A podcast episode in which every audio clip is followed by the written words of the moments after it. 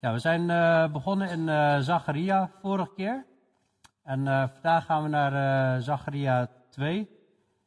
En ja, die kernteksttitel heb ik genoemd Raak Gods oogappel niet aan.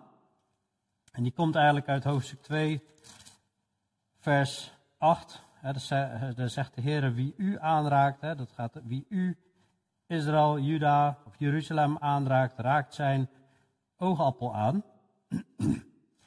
Nou, een oogappel is iets wat heel kostbaar is, maar daar zullen we zo nog bij stilstaan. We kijken naar aardse machten die, die gebroken worden. We zien dat, dat het God is die aardse machten breekt. Een, uh, een muur van vuur om Jeruzalem. Dat God in de toekomst een muur van vuur zal zijn om Jeruzalem. En uh, ja, de Heere zal in uw midden wonen. Dat komt ook herhaaldelijk terug. Ja, nog even de achtergrond.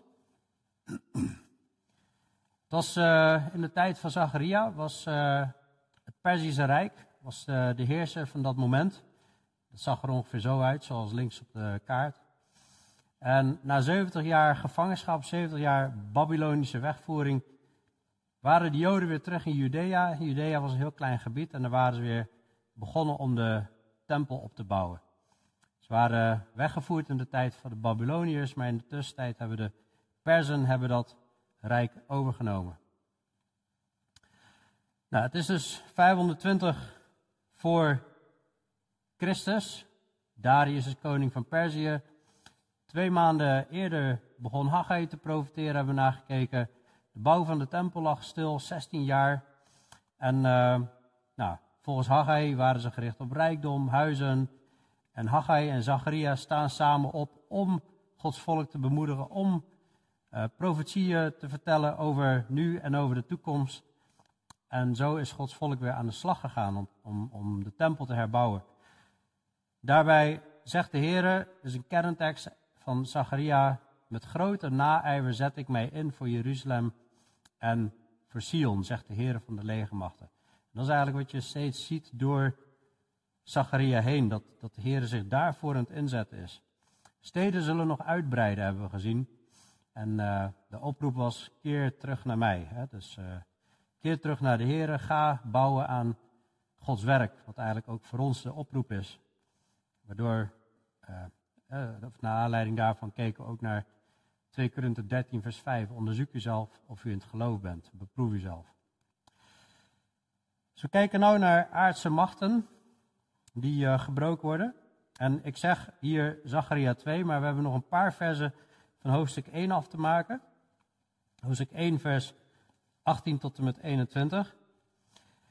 Dus we zitten hier midden in een achttal visioenen die Zacharia krijgt. Die krijgt hij op één nacht, geloven de uitleggers. Ik geloof het ook wel dat dat zo is. Je ziet ook dat hij gewekt wordt op een gegeven moment. En uh, nou, het tweede visioen, de horens en de smeden, staat erboven. Sommigen zien hier twee visioenen in, maar sommigen zien ook totaal tien visioenen, anderen acht. Nou, ik, vind het allemaal prima. Hij krijgt in ieder geval een reeks aan visioenen. In ieder geval vers 18. Ik sloeg mijn ogen op en zag en zie vier horens. En ik zei tegen de engel die met mij sprak, wat betekenen deze horens? En hij zei tegen mij, dat zijn de hoorns die Juda, Israël en Jeruzalem verstrooid hebben. Dus het zijn machten. Vervolgens liet de Heer mij vier smeden zien. Dit kun je ook vertalen met arbeiders of timmerlieden of vakmannen. Hij liet mij vier, ik ga ze timmerlieden noemen. Toen zei ik, wat komen die doen? Hij zei, dat waren de horens die Juda verstrooid hebben. Zozeer dat niemand zijn hoofd kon opheffen. Maar deze zijn gekomen om hun schrik aan te jagen en om de hoorns van de heidevolken neer te werpen, die de hoorn opgegeven hebben tegen het land Juda om het te verstrooien. Dus ja, je ziet vier horens als eerste in vers 18 en 19. En het fijne aan dit visioen is uh, ja, dat er niet echt heel uitgebreid uitgelegd wordt. dus dat is een beetje. Gisteren, ja, een deel wordt wel uitgelegd hè, van uh, maar er wordt niet uitgelegd wie die horens zijn. Er zijn vier horens en dus dat is een beetje lastig. Maar goed, horens zijn hoe dan ook een beeld van macht. Dat zie je eigenlijk door de hele Bijbel heen, op veel plaatsen, maar ik noem er even twee. In Daniel 7, daar zie je op een gegeven moment, toen keek ik vanwege het geluid van de grote woorden die de hoorn sprak. Dat was een beeld van de antichrist in Daniel 7. En ik keek toe totdat het dier gedood werd en zijn lichaam vernietigd werd en aan het laaiend vuur werd prijsgegeven. Dan zie je de hoorn, de antichrist, als een, macht, zeg maar, die wordt vernietigd door de Here. In openbaring 5 vers 6, zie je te midden van de troon en de vier dieren en te midden van de ouderlingen stond een lam als geslacht met zeven horens en zeven ogen. Dat zijn de zeven geesten van God die uitgezonden zijn over heel de aarde. dan zie je het lam van God, dan zie je Christus zelf met zeven horens. Zeven is getal van volmaaktheid, volmaakte macht. Hem is gegeven alle macht in hemel en op aarde. Dus horens spreken van macht. En je ziet ook dat uh, ze hier Juda, Israël en Jeruzalem verstrooid hebben. Maar uh, ja, vervolgens ja, zie je ook weer dat ze tegen het land Juda in vers 21 op het eind uh, hebben opgetreden om het te verstrooien. Nou, de vier horens, wie zijn dat dan? Nou, dat, dat, dat wordt niet uitgelegd. Dus uh, ja, we kunnen zeggen, nou oké, dan, dan skippen we dat, dan gaan we gewoon verder. Maar zo nieuwsgierig als we zijn, of in ieder geval ik ben, dan wil ik toch uh, proberen te ontdekken wie het is. Maar ik kan niet met zekerheid zeggen. Het lijkt in ieder geval een reactie op de vraag in vers 12 en dat God laat zien dat zijn legermachten werkzaam zijn. En in vers 12 werd de vraag gesteld, heren van de legermachten, hoe lang is het nog dat u zich niet ontfermt over Jeruzalem en over de steden van Juda? En dat hij hier eigenlijk laat zien van ja, ik, ik ontferm mij wel. Ik ben bezig, machten, die staan wel op, maar die worden ook weer afgesneden door die vakmannen, door die timmermannen. Mogelijk, en dat doe ik op basis van het patroon van herhaling over de komst van Jezus in Zacharia. Mogelijk gaat dit over rijken, kijkt hij al vooruit. En gaat het over het einde van alle wereldrijken. Hij heeft namelijk in, Zacharia een, een continu doorlopend patroon. In hoofdstuk 2, vers 5 zien we al dat de Heer in hun midden zal die een heerlijkheid zijn. Dat zien we uh, op het eind in hoofdstuk 2 ook. We zien in hoofdstuk 3, vers 9 dat de Heer op een dag zal die al de ongerechtigheid van dit land, op één dag zal hij dat uh, wegnemen. We zien in uh, hoofdstuk 6, vers 13 dat er komt iemand die heet Spruit. Hij zal de tempel van de Heere herbouwen. Uh, hij zal met majesteit bekleed zijn. Hij zal zitten en heersen op zijn troon. Hij zal priester zijn op zijn troon. Het gaat steeds van hier en nu naar ineens helemaal de eindtijd. En dat tot en met hoofdstuk 14, waar het heel uitgebreid daarover gaat, over de terugkomst van Jezus. Um, het zou kunnen zijn dat de horen de Babyloniërs zijn. De vier horens, de, de, uh, de eerste de Babyloniërs en, en een vakman of timmerman. Hè, de volgende rijk, de Perzer, komt en die snijdt dan deze af. Hè, want je ziet die smeden in, in 2021 of vakmannen of timmermannen dat zijn degenen die die horens dan eigenlijk weer. Uh, nou, ze zijn gekomen om hun schrik aan te jagen en om de hoorns van de heidevolken neer te werpen. Maar goed, die, die Perzen werden vervolgens weer de volgende horen. En het zou kunnen zijn dat de Grieken dan de volgende vakman zijn, die dan eigenlijk de Perzen weer afsnijden. En uh, vervolgens zelf weer aan de macht komen.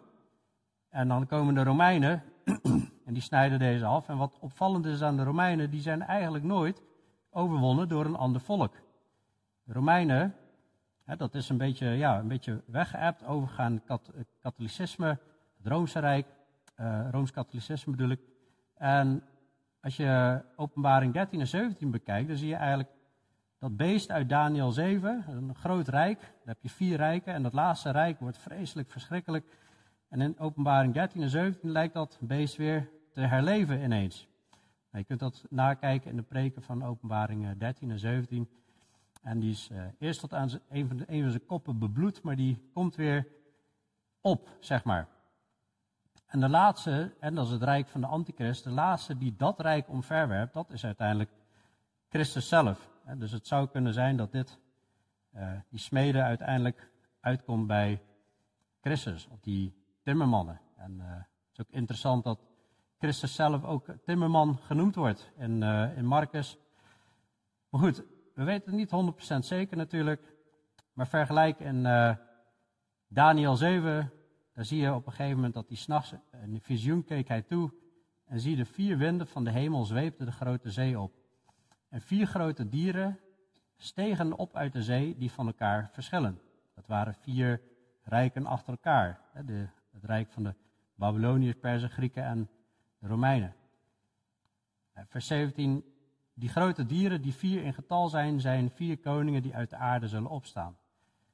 Hij zei het volgende: Het vierde dier zal het vierde koninkrijk op aarde zijn, dat verschillen zal van al de andere koninkrijken. Het zal de aarde verslinden, het zal haar vertrappen en haar verbrijzelen. Dat zou een uitleg kunnen zijn van deze. Maar wat het ook is, de Heer wil hier, hier in ieder geval duidelijk laten zien wie jullie verstrooid hebben, die hebben een probleem. Daar komt iemand langs en die gaat hun weer afhouden.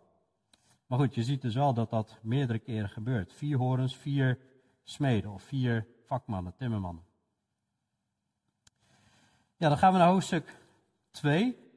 En hoofdstuk 2, opnieuw sloeg ik mijn ogen op en zie, er was een man met een meetsnoer in zijn hand. Toen zei ik, waar gaat u heen?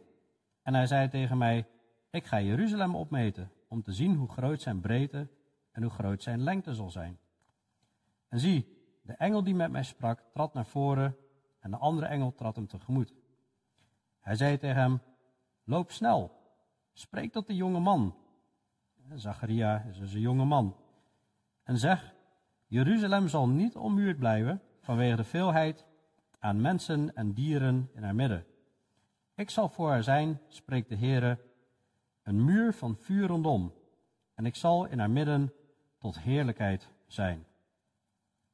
Dat de Heer in het midden komt, dat zullen we straks nog twee keer zien. Dat hij in het midden zal wonen. Nog een keer zegt hij, ik zal in het midden wonen. Maar hij zal in het midden tot heerlijkheid zijn. En dat is eigenlijk altijd waar het om draait, om de heerlijkheid van God. De heerlijkheid van God zal weer in het midden komen. En in Ezekiel 10 dan zie je eigenlijk dat de heerlijkheid van de Heer op een gegeven moment de tempel heeft verlaten. Vanwege alle ongerechtigheid van ja, de Joden, Israël. Maar op een dag komt de heerlijkheid van de Heer weer terug. Dus een muur van vuur rondom. We zien vaker dat een, het meetlint gepakt wordt bij de profeten en de profeten dat zien. Jeremia 31, vers 38 zie ook, zie, er komen dagen, spreekt de Heer, dat de stad herbouwd zal worden voor de Heer. Van de Hanao, uh, Hanane El Toren tot aan de hoekpoort. En dat het meetlint nog verder zal lopen rechtdoor tot aan de heuvel Gareb en zal afbuigen naar Goa. dus het, het, het, het, rekt uit. Heel het dal met de dode lichamen en de as en al de velden tot aan de beek Kidron, tot aan de hoek van de paardenpoort naar het oosten toe zal een heiligheid voor heren zijn. Voor eeuwig zal er niets meer worden weggerukt of afgebroken. Ook in Ezekiel 40 tot 44, daar zie je een hele uitgebreide profetie, maar dan wordt de tempel wordt helemaal opgemeten met alle kozijnafmetingen, trapafmetingen, openingen, eh, de ruimtes worden helemaal, het is gewoon een heel bakkundig plan, wordt helemaal uitgewerkt. Maar ook in openbaring 11, hè, daar wordt ook de tempel opgemeten. Alleen daar worden helemaal geen specificaties gegeven, hier ook niet. Alleen maar het wordt opgemeten hè, en het, het, het, wordt groter, de muren zullen er niet meer zijn en, en de Heer zelf zal een muur van vuur rondom zijn. Nou goed, er zijn ook artist impressions van. Mensen die van die tempel en een stukje van Jeruzalem uh, artist impressions maken. Maar God gaat omzien naar Israël op een dag, naar Jeruzalem. Hij gaat een ommekeer brengen. En dat is de hoop die ze hebben. En een muur van vuur rondom is heel bijzonder eigenlijk. Zo'n soort idee zie je eigenlijk ook. Vorige keer heb ik deze tekst ook aangehaald. Toen het ging over die die legermachten, die paarden, die achter de heren stonden in hoofdstuk 1. Ja, en dan zie je eigenlijk dat Elisa, die is, die is in gebed en die bidt voor zijn knecht, dat heren open toch zijn ogen zodat hij ziet. En de heren openen de ogen van de knecht zodat hij zag. En zie, de berg was vol paarden en strijdwagens van vuur rondom Elisa. Ja, alsof de Heer straks op, op zo'n manier rondom Jeruzalem een muur zal zijn van vuur. En uh, het beeld zie je ook natuurlijk in, hè, bij, uh, wanneer Israël uit Egypte komt. En dan staan ze daar bij de Rode Zee en dan komt de Heer zelf met de wolkolom, vuurkolom tussen de Egyptenaren en de Israëlieten in. En dan is de Heer is hun bescherming. Het is geweldig hoe krachtig de Heer zich hier presenteert van hoe hij zich zal ontfermen over Israël. Hè? Dus dat is allemaal de uitwerking van hoofdstuk 1 vers 14. Met grote naijver zet ik mij in voor Jeruzalem en voor Sion. En het gaat om Gods heerlijkheid in hun midden. En dat zie je ook in Ezekiel. In Ezekiel 43, daar zie je, en dat is een stukje van dat hele uitgebreide bouwplan, en dan laat de Heer Ezekiel tussendoor ook dit zien. Hij leidde mij naar de poort, de poort die naar het oosten gekeerd was. En zie, de heerlijkheid van de God van Israël kwam uit de richting van het oosten. En zijn geluid was als het bruisen van machtige wateren. En de aarde werd verlicht vanwege zijn heerlijkheid. Dat is ook de reden waarom heel veel mensen allemaal begraven willen worden bij de Oostpoort. Die Oostpoort van Jeruzalem, omdat de Heer daar vandaan zal komen. Maar goed, ze hebben die poort dichtgemetseld. Om de Heer van de legermachten, schepper van de hemel en aarde, tegen te houden. Maar ja, die gaat natuurlijk niet tegenhouden worden door een paar bakstenen. Ik bedoel, hij heeft uh, de sterrenstelsels en alles gemaakt. Dat is een idioot idee, maar het is bijna lachwekkend om te zien. Maar dat is de reden waarom ze die dichtgemetseld hebben. De heerlijkheid van de Heer, vers 4, kwam het huis binnen via de poort die op het oosten uitzag. Toen hief de geest mij op en bracht mij in de binnenste voorhof. En zie, de heerlijkheid van de Heere had het huis vervuld. Daarop hoorde ik iemand uit het huis met mij spreken, terwijl de man naast mij bleef staan. Hij zei tegen mij, mensenkind, dit is de plaats van mijn troon en de plaats van mijn voetzolen, waar ik voor eeuwig wonen zal onder de Israëlieten. Zij die van het huis van Israël zijn, zullen mijn heilige naam niet meer verontreinigen. Zij en hun koningen met hun hoererij en met de dode lichaam van hun koningen op hun ofhoogte. Zo gaat het hier om, de heerlijkheid van de Heere komt terug. De heerlijkheid van de Heere vervult het huis. De heerlijkheid van de Heere komt weer terug. En dat is in de toekomst, want we weten dat het in de toekomst is, omdat dat, die tempel die Ezekiel daar omschrijft, die is nog nooit gebouwd. Een tempel met die afmetingen. Nou goed, hier zien we dus ook, ik zal in haar midden, in Zacharia 2 vers 5, ik zal in haar midden tot heerlijkheid zijn. En in vers 6 zegt hij, oh, oh, vlucht dan uit het land van het noorden, spreekt de Heer. Er zijn nog steeds ballingen in het noorden. Niet iedereen wilde terug naar Jeruzalem om te herbouwen. Het is een oproep en eigenlijk alle ballingen, eigenlijk alle Joden, hè, en, en ik denk ook terugwijzen naar hoofdstuk 1, vers 3. Keer terug naar mij, spreekt de Heere van de legermachten, dan zal ik naar u terugkeren. Nou, hij zegt hier, o, o, vlucht dan uit het land van het noorden, spreekt de Heere, want ik heb u verspreid over de vier windstreken van de hemel, spreekt de Heere. O Sion, ja, dat is Israël, of soms is dat Jeruzalem ziet te ontkomen, u die woont bij de dochter van Babel. Dus ze wonen nog bij de, ja, de inwoners van, van Babel en, en, en de oproep is om daarvan weg te gaan. Ga uit hun midden weg. Zachariah 2 vers 8 zegt, want zo zegt de Heer van de legermachten, nadat hij heerlijkheid heeft beloofd, heeft hij mij gezonden. Ik geloof dat dit de Vader is die de Heer van de legermachten, die spreekt tot de Zoon. Nadat hij heerlijkheid heeft beloofd aan de Zoon, heeft hij mij gezonden tot die heidevolken die u beroven. Want wie u aanraakt, raakt zijn oogappel aan. dus er zijn heidevolken, die grijpen steeds in op de Joden. Deels was natuurlijk oordeel, maar ze, sloegen ook door in hele heel bruut geweld. Dat zag je ook in hoofdstuk 1, dat ze hebben God heel erg toornig gemaakt in hoofdstuk 1, vers 15. Nou goed, uh, zulke dingen zie je natuurlijk ook in, in onze tijd. Hè? Dat volken aanvallen en dan gewoon zo bloeddorstig worden. En dan, en dan ja, de Heer zegt ook, ik zal zegenen wie u zal zegenen, ik zal vervloeken wie u zal vervloeken. Die staat wie u aanraakt, raakt zijn oogappel aan. En een oogappel, ja, dat is uh, iets wat heel erg kostbaar is. Hè. Je iris, dat is eigenlijk je, ook je oogappel, wordt dat genoemd. Als je dat aanraakt, dat is een hele gevoelige plek. Wie u, wie, wie de Joden aanraken, die raken zijn oogappel aan.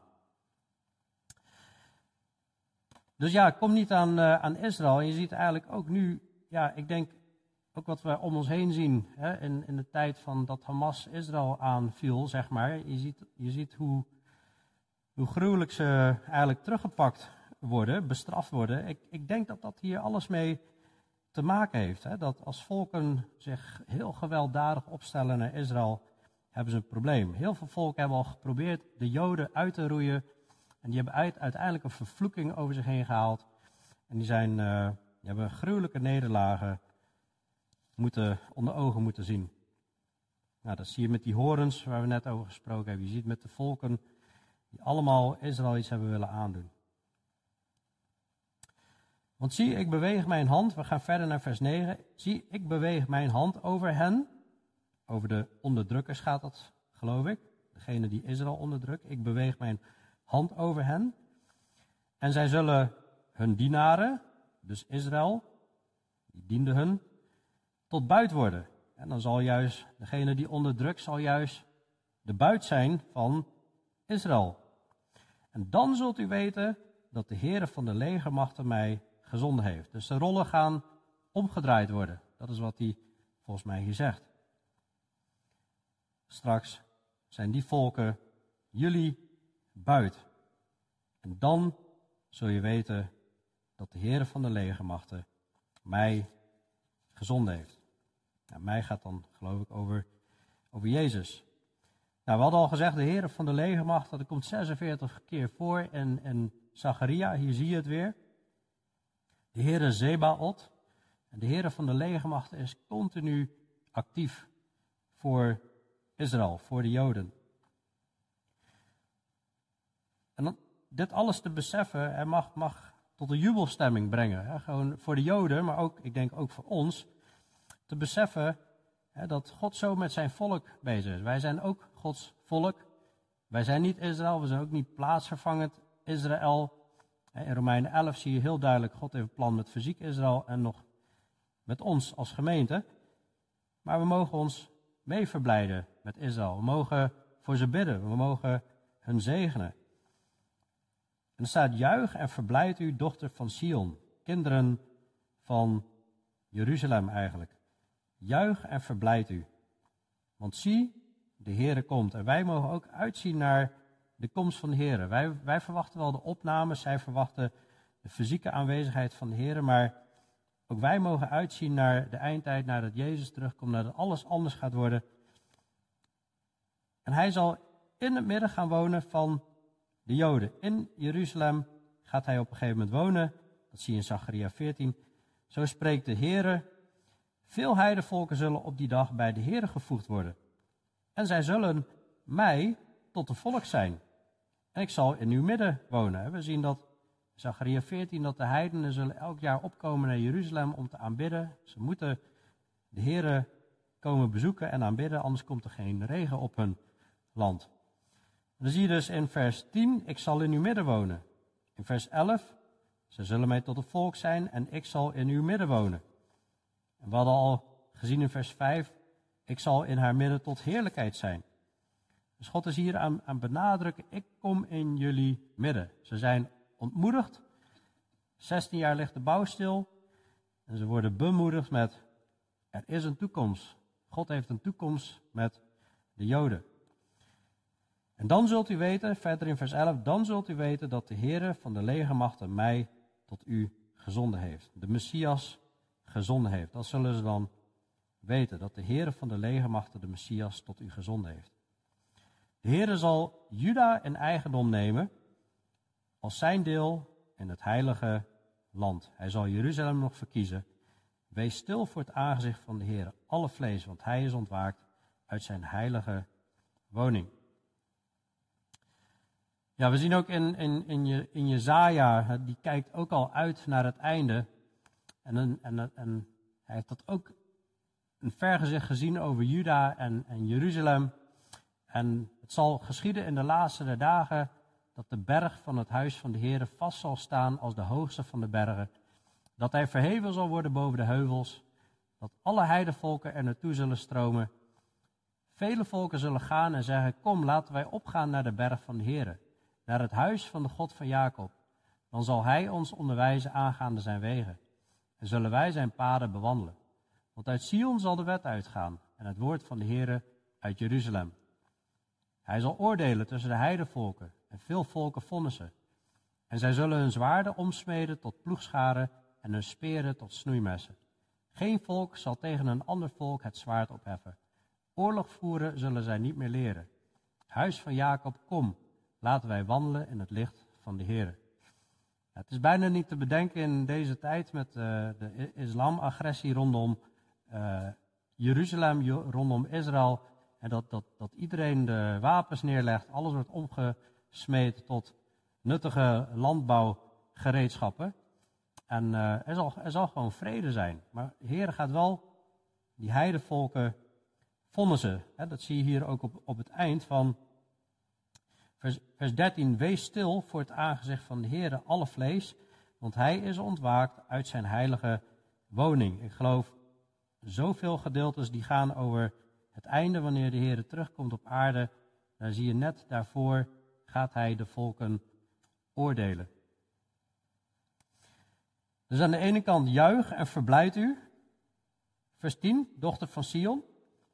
Aan de andere kant is de oproep, wees stil voor het aangezicht van de Heer, want hij is ontzagwekkend. Hij is te vrezen. Hij is ontwaakt uit zijn heilige woning. Hij kijkt vooruit, Zacharia, en zegt, ja, maar heb hier wel ontzag voor. Wees stil voor het aangezicht van de Heer, als hij, want hij is ontwaakt uit zijn heilige woning. Zo overigens ook interessant om, om te noemen dat in vers 12 de Heere zal Juda in eigendom nemen als zijn deel in het heilige land. Hij zal Jeruzalem nog verkiezen. Het heilige land is dus eigenlijk um, de enige plaats in de Bijbel waar, waar Israël het heilige land wordt genoemd. Heel veel mensen spreken over Israël nu als dat is, dat is het heilige land. Dat is het heilige land van, van God. Maar als jij in dat land gaat kijken, er is vrij weinig heiligs aan. Er zijn nog heus wel wat wedergeboren christenen die heilig zijn, maar er is afgoderij. Er is, uh, de islam is er. Uh, heel veel joden zijn nog niet bekeerd tot de Messias. Uh, goddeloosheid heerst volop. Het is nog helemaal niet een aantrekkelijk land, maar op een dag zal het een heilig land zijn. De Heer zal, in Juda, zal Juda een eigendom nemen als zijn deel in het heilige land.